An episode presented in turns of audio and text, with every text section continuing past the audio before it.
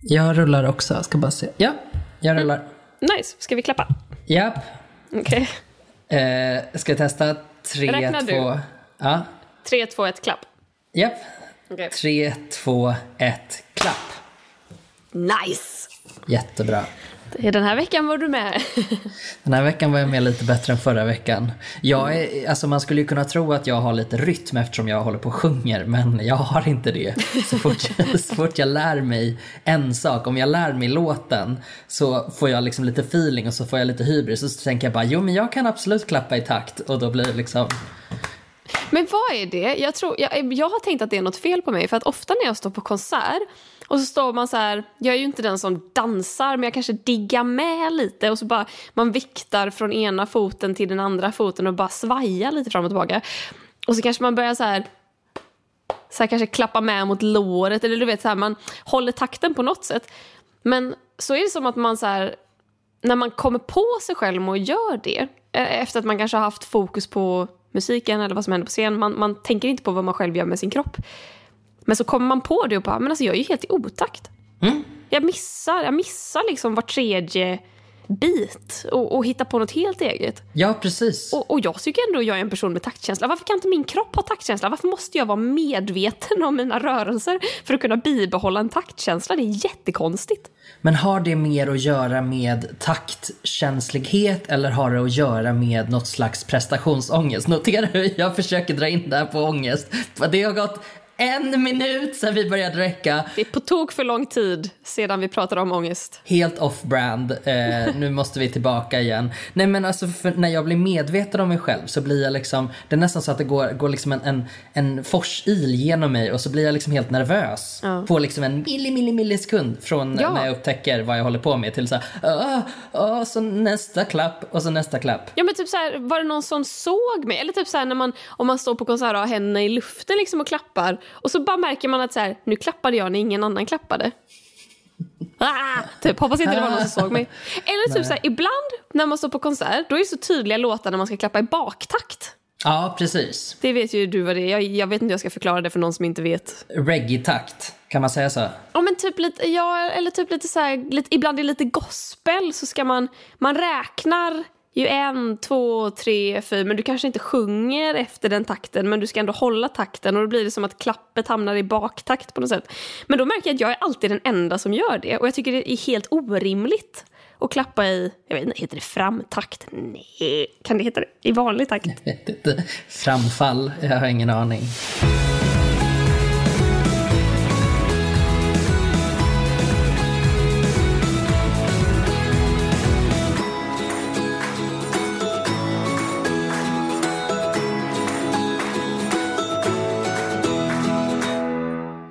Nåväl, hur mår du Gustav? Jag, jag, mår, jag mår utverkt. Oj, utverkt. Ut, Jag mår, Utväxt? jag mår utväxt. Nej men jag mår bra, men jag är alltså så infernaliskt trött. Alltså det, det, dagarna går i ett och jag märker att hjärnan liksom hänger inte riktigt med. Så jag mår bra, men, men jag är liksom, ah gud, det är sån tröttma, så akut så. tröttma. Ehm, Vad beror det på då? Är det jobb eller ångest eller? Mm, allt på en gång. Ja. Så att det, är- det är massa roliga saker som händer. Men det är liksom allt, allt på en gång. Så det är krävande saker på jobbet och så är det krävande saker på fritiden. Och så är det, vi ska ju ha konsert med min trio om en dryg månad när vi spelar in det här. Ehm, 24 oktober ska vi ha en konsert. Och där är det ganska mycket att få in. Liksom. Där ska vi hålla på ändå över en timme. Mycket nya låtar. Så, som, ja, många roliga saker men allt på en gång. Så att, så att jag har liksom, det, det är väldigt många saker jag ska göra på en dag. Mm. Men det är okej. Hur mår du? Uh, ja, men jag mår bra. Uh, apropå vad du pratar om. Jag undrar, alltså, för jag kan också känna mig lite så här småtrött typ. Men att det börjar bli bättre. Och um, det är nog för att jag är färdig uppe i Luleå. Du vet, man har kommit tillbaka, jag behöver inte resa så himla mycket. Just nu är det mycket så här ta ikapp det som jag inte riktigt hann göra när jag var där uppe. Utan nu är det så mycket svara på mejl och bla bla bla. Plugga och sådana grejer. Men jag undrar, apropå det här med att man blir så jävla trött av att bara det kommer mycket på samma gång. Det känns som att man, man hanterade det så jävla mycket bättre när man var yngre. Och att jag undrar så här, om det, har du väl blivit lite trött så någon gång? Om det är svårare att hantera det i framtiden, även om det är långa perioder av inte så mycket stress däremellan. Förstår du vad jag menar?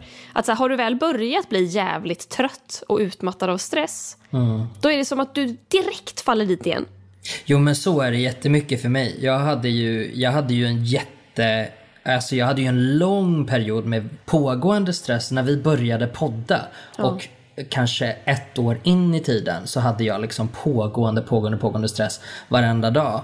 Och blev till slut sjuk, sjukskriven. Och jag känner av det jättemycket fortfarande. Och det är som att kroppen eh, går in i liksom högsta nivå av minsta lilla fortfarande. Och så är det liksom, det, det går lite, lite framåt ibland och lite bakåt ibland. Och just nu känns det inte egentligen som att det är någonting direkt dåligt utan det är mer att jag bara är väldigt medveten om att oj, okej jag blir väldigt, väldigt, väldigt trött av det här. Jag blir lite virrig av det här. Eh, men jag tycker inte kanske att det har varit lika jobbigt som det har varit tidigare när det har blivit fullt pådrag i hjärnan. Så förhoppningsvis går det åt rätt håll. Men jag menar, ja, två år sedan vi startade podda och det var ungefär då som jag liksom breakade ihop. Så jag menar, det tar ju en jävla tid att, att läka igen liksom. Ja, definitivt. Shit, två och ett halvt år. Det, It's a long time. It's a long time podding. Ja, nej men eh, om jag ska brodera ut mitt svar lite mer så mår jag bra. Men det är mycket plugg nu. Det är, eh, jag har ju skjutit lite på det. Eh, jag hade ju min inlämning som jag fick VG på, som jag pratade om förra veckan. Fortfarande mycket nöjd över det. Eh, kommer förmodligen stå på min gravsten. Och, eh, så, men det är också det här som jag har typ glömt bort med skolan. Hur så här, man gör en tenta eller uppgift eller någonting som man har stressat och bara ah, du har haft ångest för och så lämnar man in den och så tänker man nu kan jag slappna av. Nej. Alltså, dag, På't igen. På't igen! Alltså sekunden senare. En sekund efter att min inlämning var liksom, alltså sista deadline-sekunden. En sekund efter det så låser de upp föreläsningarna till nästa tenta. Och då finns nästa tenta att hämta som ska vara inlämnad prick tre veckor senare. Så att alltså, det är som en neverending. Jag fattar inte hur folk som pluggar pallar det. Jag känner bara så här, herregud, typ en och en halv månad nu av att plugga det här. Det är, det är tufft alltså. Nej men verkligen, det är ju en sån himla träningssak också eftersom det är första gången du pluggar på, på universitet så. För det är det väl, eller? Ja, absolut. Ja, absolut. ja men precis. Jag kommer inte ihåg om du hade gjort det Nej, nej. förra året. Nej, det blev ju inte av. Det enda jag har i mitt bagage är en vecka på Folkuniversitetet eh, i en kurs om stand-up comedy. Ah, har, du, har du gått den? Mm, det. Det visste inte jag. Det är på min bucket list över så här grejer som jag tänker att jag skulle vilja prova någon gång. Då har jag den kursen där. Alltså det är fantastiska karaktärer som går kurser i stand-up. Man kan tänka mig det. Jag vet, inte om, jag vet ärligt talat inte om det gav mig så mycket. Men det, kan, det beror väl på att jag redan är i en rolig bransch typ. Ja, Eh, för det var väldigt så här, självklara saker, typ som vad är en punchline? ja. Och så, se- så blir man tilldelad liksom en grupp och så ska man sitta med dem och så får man liksom så här bara... Ja, alla skriver en och, samma, alla får en och samma rad om en busschaufför och det finns liksom ingenting kul. Det är bara en faktarad om så här. Busschauffören åker mellan eh, Stockholm och Södertälje varje morgon klockan tio. Ja, och så ska du hitta på en punchline och så sitter du med folk som bara... Eh, kan inte punchen vara... Eh, han, han luktar svett. Man bara, nej. Nej, det kan den faktiskt inte vara. Det det är inte så kul. Nej, det kan det faktiskt Det, inte vara. det finns liksom ingen, ja han kanske gör det. ska berätta för dig att jag har fått VG i en kurs. Så att jag tror att det är jag som är auktoritet på det här ämnet. Ja, precis. Inte bara en kurs utan en inlämning. Ja, ex- ja just ja. Ett delmål i en kurs. ja. Nu tar vi det lilla lugna. VG till kursen kommer sen.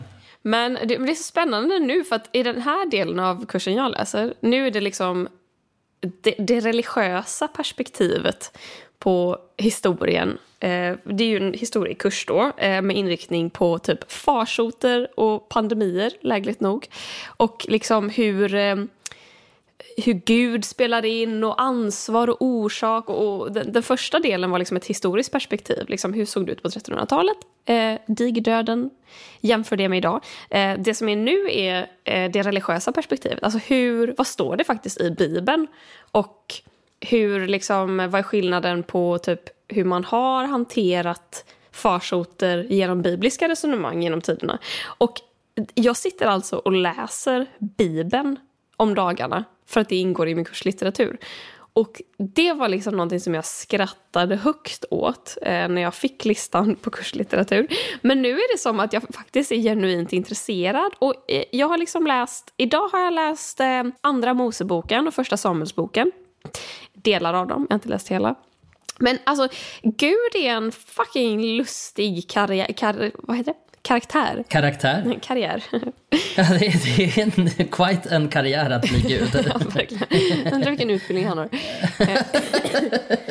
Nej men, alltså, han har så konstiga på för sig. Jag läste liksom om när Moses skulle ta i, liksom, israelerna ut ur Egypten eh, och befria dem från faraon som liksom höll dem som slavar. Och, och att de då skulle fly och där var ju det då när Moses delar vattnet. Om man är bekant med Bibeln känner man ju igen det här. Men då, det jag inte visste om den här historien var att israelerna fick absolut inte äta syrat bröd under den här flykten. Mm. Ja, det är viktigt. Det är eh, tydligen väldigt viktigt för att det, för, det liksom står om och om igen. Att de var tvungna att lämna sina surdegsbröd. Åh gud, Södermalm hade gått under. Ja, visst, alltså ja, surdegsbröd som är så gott tänker jag. Ja, det var ju hela vår pandemi att hålla på med surdegs och bananbröd. det ska jag skriva in i jämförelsen då och nu. Idag gillar vi surdeg, då var det Det gjorde man inte då. Men vad, alltså gud, what the fuck dude? Vad, vad har du emot surdegsbröd? Varför får inte... Är, är det här det kommer fram att Gud är borgerlig och inte gillar den liksom hippa eh, södervänstern som håller på med surdeg? Mm, så kan det vara. Jag tror, jag tror att Gud kan vara lite, lite borgerlig ändå. Eh, det känns inte som att Gud är så himla konsekvent. Det, för det, eh, jag tänker att det finns väl ett klassiskt exempel från Bibeln. Det här med att man inte får bära mixade tyg tygstrukturer. Alltså man får inte mixa vissa material med varandra. Står det på något sätt. Man får inte raka av sig skägget. Eh, det här är ju ett typiskt sånt argument som folk brukar använda liksom när, när eh, bokstavstroende kommer och säger så homosexualitet är synd, bögarna ska dö. Så är de så här, aha okej, okay, jag ser att du är rakad, kanske du ska sluta med. Aha, jag fattar. Mm, jag tror det är en sån, sån grej, ja men det är väl där folk har gått in och cherry-pickat lite grann. Mm. Att så här, det där om surdegsbrödet, ja det släppte vi fort som in i helvete. Det var ingen viktig regel. Den, den kan jag dock fatta att de inte vidhåller, för att det var ju ändå bara mellan Egypten Egypten och Israel som man inte fick äta surdegsbröd. Också så här 1200 före Kristus. Eh, det är nya tider, Gustav. Kom igen. Ja, nej men okej. Du, du har rätt faktiskt. Men däremot, det fanns också en passage som liksom... Men den är också så lustig för att den är så märkligt detaljrik in emellanåt. Att de ska gå igenom vad liksom 27 personer hette, hur gamla de blev. Spoiler, alla blir typ 137 år och jag tror inte på det. Det är ju helt orimligt. Inte ens vi blir 137 år. Vi pratar ju om när människan ska kunna bli så gammal. Ja, nej. Och, men det är också det att flera personer blir liksom prick 137 år och det är så specifikt specifik siffra som flera blir. Så jag bara, nej. Jag vet inte 1337. Exakt, elit. Mm. Men sen också att så, emellanåt så är det så här, ja, Moses, eh, farao ville ha ihjäl Moses. Eh, men Moses, Moses flydde till en annan del av landet och sen så stannade han där i massa år tills farao och alla som eh, kände farao som också ville döda Moses tills de hade dött. Och då kom Moses tillbaka. Man bara, men vad hände? Det här måste ju vara decennier av tid om alla blir liksom nästan ett och ett halvt århundrade gamla. Det måste vara jättelång tid. Vad hände däremellan? Mm. Men sen så också så står det så här, på vägen tillbaka, då tog Moses med sig sin fru och deras barn. Och då står det så här, Herren kom för att döda Moses. Man bara, wait a minute. Gud, why would you do that? Men det står liksom inte varför, det bara står att Herren kom för att döda Moses. Men vet du vad Moses fru gjorde då? Jag vet inte, fick hon ett barn med Gud? Nej, hon skar av sin sons förhud. Ja. Och sen nuddade hon förhuden vid någon. Det står bara honom. Och det, är liksom, det blir som att jag förstår inte vem det syftar på. Om det syftar på sonen, eller Moses, eller Gud. Men hon vidrör honom med förhuden. Och då var det löst på något sätt. Och man bara, det här är en så märklig, märklig bok. Um, så att det här med att vara bokstavstroende, jag, jag skulle vilja veta hur de tolkar de här passagerna. Och liksom inte ens tolkar. Bara, vad, vad står det? Vad fan, tala om för mig vad det står. För jag förstår inte. Vad har någons inte. förhud med någonting att göra? Nej, alltså och Bibeln är ju skriven av flera människor. Och där märker man väl också det. Alltså det är ju inte som att en person har satt sig ner och skrivit allt det där i ett svep utan det är Nej. lite, lite tillagt här, lite borttaget där. Också översättningar har jag förstått genom den här kursen. Att Mm. de gör ju nya omskrivningar av den ganska ofta genom århundradena. Och det översätts från hebreiska till latin, till grekiska, till svenska. Och, och så kan det bli liksom att man inte riktigt förstår, översättaren fattar inte vad det syftar på, Nej, exakt. på det tidigare språket. Men, men hur ställer du dig till, liksom, så, har du läst Bibeln? Jag har läst delar av Bibeln. Jag är ju dels konfirmerad. Ehm, så då var man ju tvungen att ta sig igenom vissa passager. Jag har dels vuxit upp i söndagsskola, så där var det också lite bibliskt. Och sen så har jag också befunnit mig jättemycket i kyrkan av musikaliska skäl, liksom att det är väldigt mycket musik där och det har varit väldigt passande för mig att så här, ja, men jag kanske inte vill ställa mig på en skitstor scen och sjunga men jag vill sjunga ändå så att då har jag hamnat i kyrkan. Ehm, det till trots så har jag väldigt lite relation till Bibeln och bibliska texter. Min enda inställning som jag har till dem är att jag tror att man ska använda dem som guidande moraliska exempel som måste uppdateras allt eftersom tiden går. Eh, snarare än, än att man ska liksom eh, läsa det som skrevs på 1500-talet och bara Hä? Har du på dig polyester din jävla Alltså, eh, det har jag lite, lite svårt att köpa liksom. Men, men det finns ju massa historier i Bibeln som, eh, som är liksom goda exempel på hur man ska bete sig som människa. Eh, och också Jag så kan, här, komma, jag kan inte komma över att du precis utropade har du på dig polyester din jävla Det blir så, det är så grovt Gustav. ja, Men det är också väldigt roligt. Tänk att applicera Det det, var- på dagens samhälle. det var länge sedan jag läste Bibeln, uppenbarligen. som ni kan höra på mitt grova språk. Nej, det är så det står. det är så det står. Jag var bokstavstroende en gång i tiden när jag Matteus konfirmerade mig. 34, Mm. 19. Ja, nej men precis. Det finns ju, det finns ju särskilt en sekt i USA som säger sig vara bokstavstroende som, eh, gud vad heter de? De som går och har eh, demonstrationer vid folks begravningar. Vet du vilka jag menar där?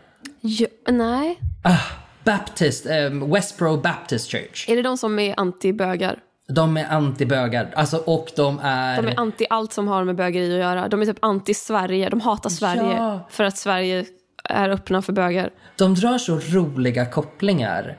Alltså du kan ha uttryckt dig positivt om en helt annan sak någon gång för 20 år sedan. De är såhär va? Bögar? Och så ställer de sig utanför din begravning och typ Just det. eldar upp flaggor. Jag tror jag såg någon dokumentär om det här på SVT Play va? Ja. Att de verkligen är så här bara we hate the fags. Ja, God hates fags. God hates fags och Gud kommer straffa oss alla för att det går bögar på denna jord. Ja, jo men så är det ju. Så kan man ju läsa Bibeln. Eh, och det är ju där man brukar eh, säga som fan läser Bibeln. Känner du till det uttrycket? Nej, aldrig hört. Nej. Alltså det är när man medvetet misstolkar eller snedvrider något för att det ska passa ett mål som man själv har. Mm, Okej. Alltså fan som är Satan. Ja, om precis. Satan sitter och läser Bibeln så kommer han bara Haha! Om du gör så här så kommer det gå bra för dig och så, eh, så blir det inte så. Jag fattar. Så kommer Gud därefter och bara men fan jag sa ju till dig sluta göra sådär. Vad fan, fan. Mm, så fan läser Bibeln på ett sätt, jag läser Bibeln på ett annat sätt. Eh, och tycker väl att det är jätteintressant eh, men man ska tolka det väldigt försiktigt. Något som jag tycker är fascinerande och som jag har lärt mig nu under min kurs och som jag liksom kan typ fråga mig själv, bara, hur har jag inte tänkt på det här förut? Är ju att jag har ju alltid sett Bibeln som en saga. Liksom, det, här är, det här är någonting som är författat för att sprida ett moraliskt budskap, för att skapa trygghet, lugn och en bara grundad tro, typ. Och att så här, vissa tolkar det olika, vissa tror legit att det fanns en snubbe som hette Jesus som hade långt hår och gick på vatten. Andra tror att det är en metafor för någonting annat. Men summa summarum, det är en sägen på något sätt. Men det jag har lärt mig nu är att det här det är ju faktiskt en historiebok. En väldigt märklig historiebok visserligen, med övernaturliga element. Men det, det är ju en faktisk redogörelse för när typ israelerna och filielerna, vad fan heter de? Fil, jag har inte ens lärt mig vad de heter. Något annat folkslag som börjar på F. Fili, Filidafjonkerna. De hade något jävla krig Och de typ snodde varandras gudafigurer. Och sen det här med att då Gud kastade pesten över filifjonkerna, liksom det, den delen kanske jag... Men pesten kanske kom dit och så bara tolkade man det som att det var Gud och vips så stod det i historieböckerna. Alltså det är ju ett fantastiskt sätt att faktiskt veta vad som hände för otroligt länge sedan. Det är ju liksom 3300 år sedan typ. Den typen av text är ju också någonting eh, för människor att förhålla sig till. Man behöver ju en förklaring på varför saker sker. Mm. Människan har aldrig förstått varför folk ska dö. Mm. Jo, men då kan man förklara det genom att ah, vissa säger att änglarna tog dem. Och så finns det någon annan som säger att Gud behövde en ängel till i sin himmel. Mm. Alltså det finns ju massa sådana förklaringar. Eh, att, att det ska finnas ett syfte med, med det som händer. Liksom. Det är ju där Gud har spelat roll tidigare väldigt mycket. Och spelar jättemycket roll för jättemånga människor på jorden än idag. Mm. Eh, men eh, organiserad religion, vad, eh, har du någon spontan tanke om det? Alltså jag älskar ju det faktum att man kan förlita sig på religion. Och det, det tror jag vi har pratat om förut i podden. Att så här, jag kan tycka, jag kan nästan vara avis på människor som är troende. För att det verkar så skönt på något sätt att bara haka upp sitt liv på ett syfte. Mm. Snarare än, alltså så här, jag tror ju visserligen att någonting händer när man dör, att ens själ liksom lever genom allt i världen. Alltså hela jorden är ju byggd på att vi har ett förlopp av energi och utveckling och saker växer och gror och sen dör de och sen växer andra saker. Och om det så är människor eller djur eller natur. Um, det tycker jag är tryggt att tro på. Men, men tänk att liksom vara så övertygad om att efter döden så kommer du att återförenas med de du älskar i ett himmelrike. Liksom. Det måste vara soft på något sätt och bara ha den övertygelsen. Um, men vad menar du med organiserad eh, religion eller vad du sa? Ja, jag tänker väl snarare organisationer än ens egen eh, tro. Nu beskriver ju du en personlig tro. Mm. Och jag tänker mer i form av en kyrka. Ett samfund liksom. Mm, exakt. För det är ju det, det är ju där det har funnits visa människor förr. På ett sätt tror jag att det var lättare att vara människa back in the days. Även om så här, man hade svåra saker som pesten att ta sig igenom. Mm. Eh, så fanns det ändå ett väldigt tydligt system för vilka man skulle vända sig till med vilka frågor. Hade du problem i livet så kunde du gå till en präst. Mm. Och så hade de på något sätt svaren för att de kunde tolka, de kunde ju tolka bibeln. Du kan, det finns ju fortfarande liksom Bible study groups där folk kan sätta sig ner och försöka tolka bibeln tillsammans och då förlitar man sig på varandra liksom. Jag undrar väl mest, tror du att det finns en um, Finns det rum för det i ett modernt samhälle att göra på det sättet? Jag vet inte, alltså vi, med tanke på liksom, i alla fall i, i Sverige idag, det känns som att vi är så himla sekulariserade och att, att tro är väldigt avfärdat eh, på något sätt.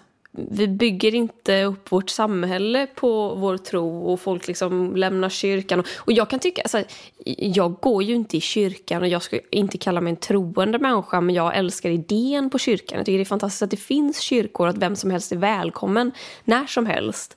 Och att jag känner väl att så här, men gud, jag betalar jättegärna en kyrkoavgift för att det ska vara möjligt. Men men det är ju liksom samfunden som kan bli läskiga och hur typ så här, folk inte kan lämna dem och att det, att det, är, den, det är liksom den andra sidan av samma mynt där. Att om du är så övertygad om att du kommer komma till himlen när du dör, eh, då finns det ju också, liksom, då måste, men då måste du leva gott för att annars så finns det ju å andra sidan ett helvete.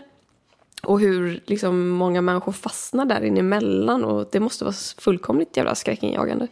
Ja, det är ju så man bygger sekter. På en rädsla att bli utesluten. Och eh, jag tänker väl, jag, jag kan spekulera lite grann i hur det går för Svenska kyrkan. Jag tycker att det är en ganska Alltså det är, en, det är en stor organisation. Alla stora organisationer har något slags problem och saker som de måste lösa. Eh, men jag undrar om de genom att vara så pass liberala jag har svårt att få det att gå ihop liksom för att då, om man säger till folk att du är fri att lämna, då gör de ju det. Så står man kvar med en organisation som inte har samma, samma kraft längre. Mm. Samtidigt som man inte vill ha det på det andra sättet där det blir något slags livets ord. eh, den här Uppsala-sekten som, som, är liksom, eh, som var en grej på 80 och 90-talen där, där du blir, om du blir utesluten så blir du, då hamnar du ute i kylan liksom och den sociala pressen är så himla svår för människor att navigera så det var jättemånga människor som blev kvar. Liksom. Carola var väl känd för att vara med i Livets Ord? Ja, hon var med en, en kort period tror jag. Jag tror inte hon var med så himla länge, utan jag tror hon liksom, men så blev hon lite postergirl för det där. Mm. Så, eh, men det, ja, det är intressant liksom hur Svenska kyrkan verkar tappa folk så himla mycket. Jag har ju ganska fina erfarenheter av Svenska kyrkan, särskilt sen jag kom in, sen jag flyttade in till, eh, till Stockholm.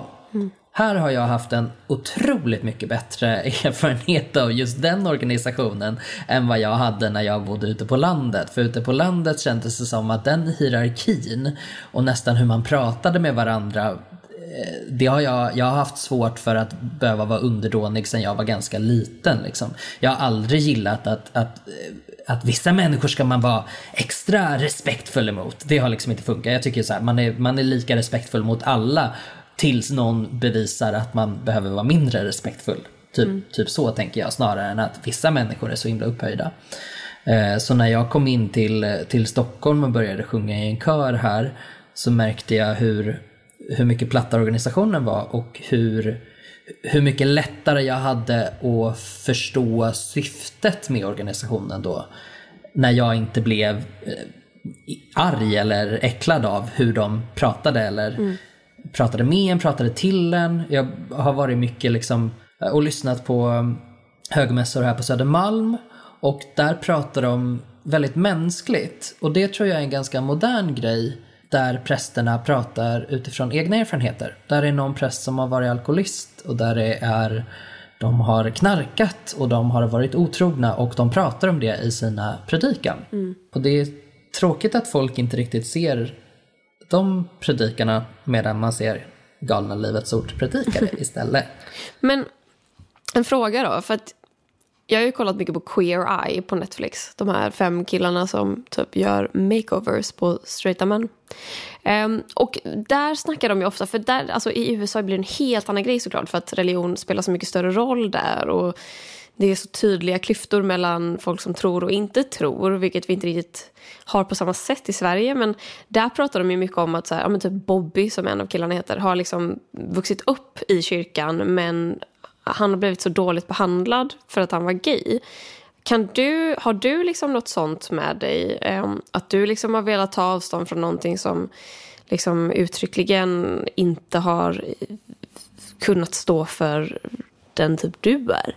Ja, jättemycket. För mig var det jättejobbigt eh, när Svenska kyrkan eh, kämpade emot partnerskapslagstiftningen på 90-talet och jättemycket hur de har kämpat emot queer-rättigheter eh, fram till nutid. Så att det är endast att jag har haft väldigt positiva erfarenheter de senaste åren som jag har ändrat åsikt. Jag tyckte det var jättejobbigt när jag var yngre. Jag ville inte ens gå in i kyrkor på flera år. Mm.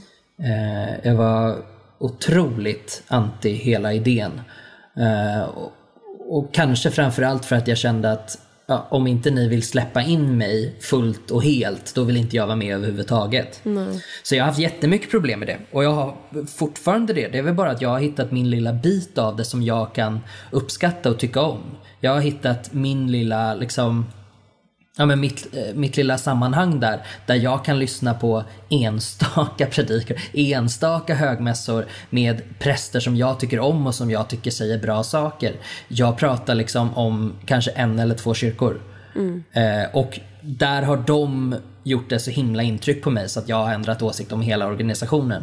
Men det är klart att skulle jag börja nagelfara eh, så tror jag att jag skulle kunna bli ganska besviken där också. Eh, för det känns ju inte bra. Hela, hela historien är ju att de helst eh, inte skulle vilja ha en där. Nej. Från början. Och sen så tycker jag Svenska kyrkan gör ett bra jobb med att, att släppa in folk nu och jag vet att just då på Södermalm så har man också eh, bra samarbete med moskéer.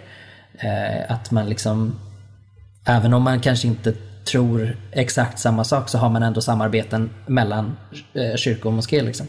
Eh, vilket också är ett bevis på att ah, det går nog att göra någonting relevant av det här. Men jag var, jag var jättearg, alltså ett, ett bra tag. Det är inte så länge sedan eh, som vi fick börja gifta oss, vi, vi fags som eh, Gud hatar. Men kan du liksom någon gång känna dig, alltså har du tillfällen där du känner dig typ mer spirituell, mindre spirituell? Jättemycket. Vad, vad, um, vad gud, alltså för att bara koka ner det till en enda lökig fråga. Vad tror du på Gustav? Uh, jag tror säkert på någonting som påminner om andras gud. Uh, men jag tror inte... Jag tror inte att det finns liksom en plan för saker på det sättet som folk kan tro. Eh, men, men när jag har, jag har ju så himla mycket jobbiga episoder när jag har mycket ångest och känner mig väldigt deppig. Och då tror jag nästan att det kommer per automatik att man måste liksom man måste be någonstans. Alltså så här, snälla någon, få det här att ta slut. För det är den känslan som, Ja. som, som jag i alla fall känner när jag blir deppig. Mm. Man behöver skicka ut i universum på något Ja, sätt. Bara så här, precis. finns det någon som lyssnar? Förmodligen inte. Finns det något Nej. parallellt universum det här kan studsa emot? Kan jag på något sätt bara skicka ut den här energin av bara mottaglighet i universum? Mm. Ja, och bara formulera frågan liksom. Jag kan också känna det jätteofta. Att, så här, att jag ibland kan bara säga, gud sitter, ligger jag här och ber typ? För vem ber jag till? Jag tror inte att det finns någon skäggig man uppe i himlen liksom. Nej. Men att eh, det, ibland kan det bara vara så himla skönt. Jag håller helt med. Och bara säga så här, åh snälla, det, kan det här få gå bra? Och jag önskar att det gör det och jag tänker på den här personen och hoppas att allt går bra där. Eller, du vet, bara vad det nu än kan handla om. Det är skönt att bara prata med någon ibland. Mm. Men visst är det så, tycker jag, att ehm, det behovet kommer mest fram när saker är jobbiga. Absolut. Det är det som är så hemskt också. Ja, men precis. För jag skulle ju inte säga tack på det sättet eh, när någonting går bra. Nej. Nej, där vänder jag det inåt på något sätt. Ja, precis. Att jag kan ibland, jag har börjat påminna mig själv om så här, när det går bra eller om man får göra någonting jävligt häftigt. Och jag tror att det faktiskt är ett resultat av Robinson på något sätt. Att man, man lär sig vara zen och i nuet. Men att jag kan verkligen stanna upp och bara så här, tänk nu Klara, tänk att du får göra det här. Hur känns det att vara här just nu? Vad ser du? Vad hör du? Hur känns det i kroppen? Du är glad och du är tacksam. Hur känns tacksamheten? Så här, tack, vad, vad, vad fint att du får göra det. Att jag kan verkligen vända det inåt medan typ, behöver jag hjälp eller typ känner jag mig maktlös eller frustrerad eller ledsen eller nervös då vänder jag det utåt istället. Att då söker jag typ någon form av övernaturlig hjälp.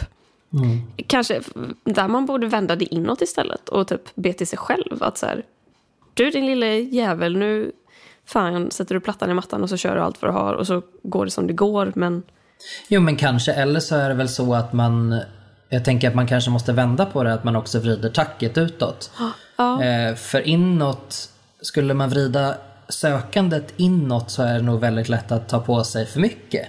Alltså förstår du vad jag menar? Att man kan inte lösa alla situationer. Det är ju när man känner sig hjälplös och frågsam som man ställer frågor. Du ställer ju väldigt sällan frågor till dig själv för att du vet ju redan vad svaret är. Så det kanske handlar mer om att vrida på det och säga Åh, tack. Det där gick ju, gick ju toppen eller fan vad, vad coolt att jag, att jag får känna så här. För det kan jag ändå göra ibland när jag blir, för jag har ju väldigt så här, väldigt, eh, det är ju ett smalt utrymme för mig mellan glad och ledsen. Eh, och det är både liksom att jag tror att jag har lätt till gråt. Jag, jag gråter väldigt lätt både om jag blir rörd eller om jag liksom tycker att, att det är jobbigt. Så jag kan ändå känna att jag blir tacksam och vänder blicken lite grann uppåt när det känns bra. För att då är ju jag så himla lättad också och glad och så här, oh, det känns verkligen som att det är på G, på G åt rätt håll liksom. Eh, Men jag blir jätteobekväm så fort jag blir obekväm nu när vi pratar om det för dels så tycker jag att det här känns så privat och sen så tycker jag också att det känns lite pinsamt. För jag tänker att jag är en ganska intellektuell person och då tänker jag att det känns så himla äh, mambo jumbo och sitta här och bara jag tror på det här och det här. Eh, Det är det som är det jobbiga också med att, att inte tillhöra liksom en strömlinjeformad religion. För att då är det så här, det här är rätt och det här är fel. Skönt, då har jag det att förhålla mig till. Mm. Nu är det så här, om jag sitter här och spekulerar i vad jag tycker och tänker så har ju varenda människa en egen uppfattning om det och vad de själv tycker och tänker. Och det är läskigt. Men är det inte också lite typ att så här, om man sitter här och typ erkänner att så här, ibland så säger jag saker högt när jag ber om hjälp, typ, fast jag inte ber någon speciell person om hjälp. Det är ju lite skämmigt om man inte är troende, för att vad fan sitter du och säger det för? Liksom? Men jag tänker att där är väl lite, lite samma sak som typ skammen vid Ja men typ när man behöver söka hjälp, att så här, det, det är fan inte... Det är fan tabu att typ söka hjälp hos en psykolog eller vad man nu behöver hjälp med när det kommer till psykisk ohälsa. Det är inte helt okej det heller. Det är många som inte vill erkänna det. Det är många som inte ens vill doppa tårna i det vattnet. Men jag tänker att det kanske är lite samma sak här, att det är lite skämmigt att visa sig sårbar, visa sig maktlös och typ på något sätt bara i någon form av frustration bara räcka ut en hand till vad fan som nu än finns där. Vad som helst som bara vill typ ta emot eller hjälpa till. Det har jag tyckt, eh, en sån fras som jag har tagit till mig jättemycket i min jakt på att hantera min prestationsångest är jag vet inte. Det är ett väldigt bra svar. Jag vet inte. Och jag tror att kärnan till varför det är så kraftfullt att säga det är för att det är så skam, skamligt. Det är skamligt att inte veta. Och särskilt då i, i dagens samhälle där vi förväntas ha svar på allt. Och har vi inte svaret på allt så kan vi googla oss till svaret på allt. Och om vi liksom efter det fortfarande inte är nöjda med svaret, då har ju vi gjort något fel. Det här borde vi förstå. Vi måste kunna greppa det. Så, så fort vi rör oss i de här vattnen där man börjar prata om saker som inte går att förstå, då blir det väldigt eh, ja, obehagligt. Håller helt med. Okej, Okej, Gustav, har du något moment of the week? Men det har jag. Eh, jag, eh, jag har... Eh, har du varit på bio på senaste? Eh, nej, absolut inte. Det har varit corona. Ja, nej men exakt. Eh, det har ju blivit lite begränsat på den fronten. Men jag och några vänner bestämde oss för att vi skulle gå på bio. Eh, och vi skulle se Tenet.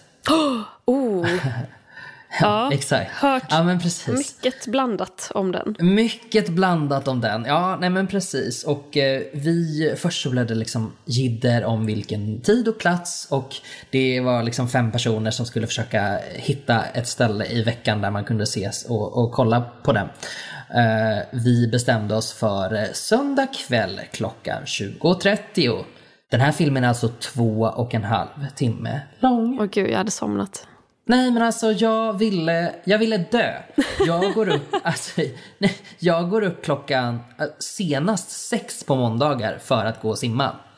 Och jag hade någon slags känsla av att det här kommer jag hantera, det här kommer gå bra, det är bara att gå dit och så ska du bara titta på en film. Det orkar man ju. Orkar man det? Nej. Orkar man det Klara? Nej, man orkar inte det, Gustav. Ork, orkar man med alltså den nya Inception-filmen? Men som dessutom är helt jävla omöjlig att förstå enligt alla. Inklusive kritikerna som tycker att den är bra. De bara så här, ja nej jag fattar ju ingenting men det är ju Nolan liksom. Jag förstod absolut ingenting. Jättebra. Ja, men jag kände mig så korkad emellanåt. Och så liksom satt jag och sneglade och jag känner liksom eh, flera i det här gänget bra. Jag känner ju uppenbarligen min pojkvän väldigt bra liksom. Och jag såg på honom att så här, han förstår inte heller någonting. och så hade jag en ganska ny kompis på högersidan och så, så sneglade jag mot honom och jag bara, han ser inte så fundersam ut. Nej okej, då kanske det är bara jag och Albin som är dumma i huvudet och vem fan vet. Eh, till slut så lutade sig den kompisen över och bara, förstår du någonting? Och jag bara, absolut de, de har alltså investerat i något slags jävla värmesystem. Alltså det var som en värmelampa, du vet när man sitter på uteservering. Det var som att en sån var på en hela tiden, filmen igenom. Det var svinvarmt.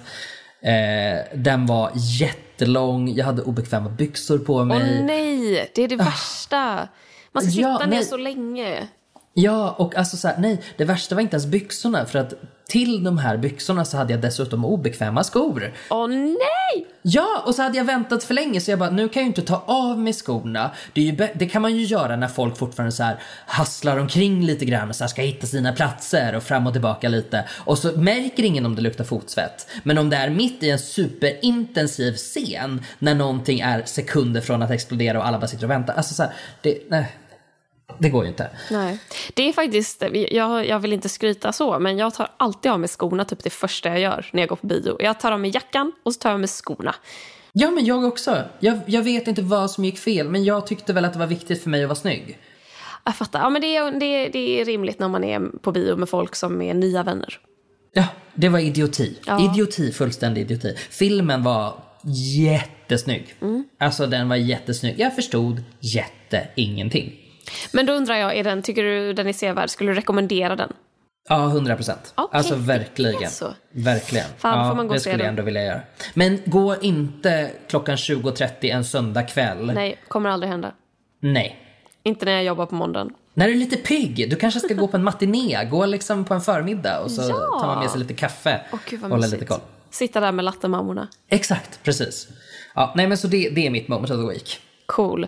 Eh, mitt moment of the week är kort och gott bara eh, glädjen över att mitt tv-program hade premiär i torsdags.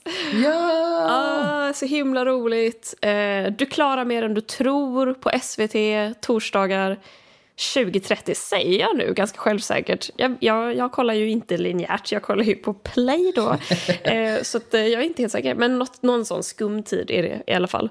Eh, och det är så himla kul att så här, allt jag gjorde i våras när jag tränade röven av mig. För att jag visste att så här, jag kommer få fyra knäppa utmaningar, jag vet inte ens vad det är för utmaningar men i april kommer vi börja filma det här jäkla programmet och då måste jag vara liksom fysiskt redo. Ja, det var en lång period alltså. Det var, det var ju, du har ju hållit på med det här projektet väldigt länge. Från ax till limpa. Absolut. Och jag menar, jag och Thomas, vi har ju tränat tillsammans i två år. Och vi började träna tillsammans för att Henrik Schyffert kom och bara, jag har en träningsidé. Och jag vill att ni ska vara med. För det är hans idé från början. Det är ju hans och Thomas idé tror jag från början. Ah, okej. Och så drog de in mig på ett hörn för två år sedan. Och sen så har det liksom bara grott under så lång tid. Och så nu går det på tv och jag är bara lycklig och det är så kul. Och det som gör det extra roligt är att så här, jag, jag älskar ju att jobba med tv. Det är ju min liksom, dröm att kunna göra det på heltid. Och att det här är då, med undantag av typ Melodifestivalen, eh, som ju är ett... Alltså, jag, kan- det, det, det, det, jag skulle inte kunna säga att Melodifestivalen var mitt program när jag programledde det, om du förstår vad jag menar. Eh, Eller? Eller? Eh, eller Jag typ kan säga det, det var ditt program. det var. Eller typ så här Världens barngalan, såna galor man har lett. Eller typ Bäst i test, det, där var jag bara en gäst. Men här är, Ja, ett, jag fatt, nu fattar jag vad du menar. Det är ändå så här, du... här är ett program... Programmet fortsätter ju oavsett om du är där egentligen. Precis. Alltså de har ju olika personer varje gång. Ja, jag fattar. Men det här är ju då mitt och Thomas program. Och vi är inte utbytbara. Så det här är det första jag gör på linjär tv som inte är någon jävla webbserie, play-serie som man får en mini-mini-budget för och så måste man trolla med de pengarna på något sätt. Eh, utan det här är det här är linjär tv! Det här är gammel-tv Gustav! Ja, Det är jag och pensionärerna nu. och det är en sån himla rolig idé också. Det är ett fantastiskt koncept. Ja, jag hoppas att, eh, jag hoppas att alla kollar eh, och att alla typ lägger upp på Instagram när de kollar så att jag kan reposta. Ja, men gud. Men när du att det var? Torsdagar? Torsdagar 20.30. Låt mig bara fucking dubbelkolla. Jättebra. 21.30 går det. 1.30. 21, torsdagar 21.30. Se, det är sånt som händer. Men torsdagar 21.30 eller när du vill på play. Bra sammanfattat. Ja, men vad bra.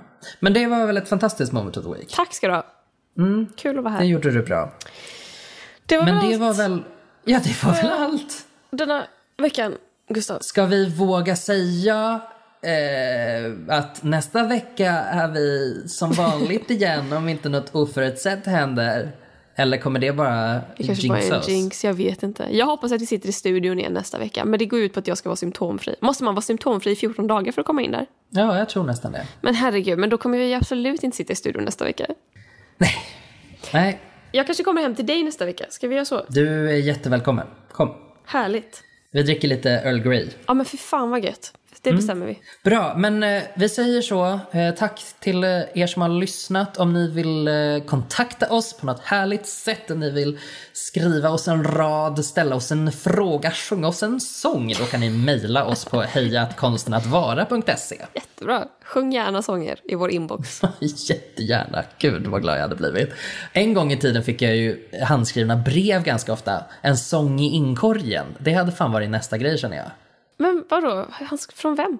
Nej men från folk som lyssnar. Jag sa, jag bara Jaha, gud vi skriver inte tillräckligt menade- många handskrivna brev. Ja, nu förstår jag. Jag trodde du menade liksom förr när du var yngre så fick du så här handskrivna Alltså brev så av jävla gammal är jag inte. Nej, I'm jag, sorry. Det var därför jag inte you. fattade. Men På nu, min tid, då kunde folk kalligrafi. nåväl. Tack för den här nåväl, veckan. nåväl. Tack för den här veckan. Vi Puss på hörs. er. Hej då. Hej då.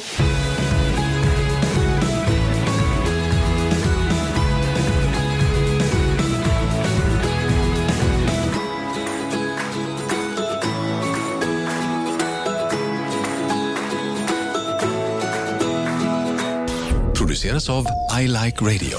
I like radio. Hej! Halebop här. Vill du bli först med det senaste från Google? Just nu kan du byta in vilken mobil som helst och få nya Pixel 8A med en fantastisk kamera och praktisk AI. Och 30 gig surf för 339 kronor i månaden på halebop.se. Ses där!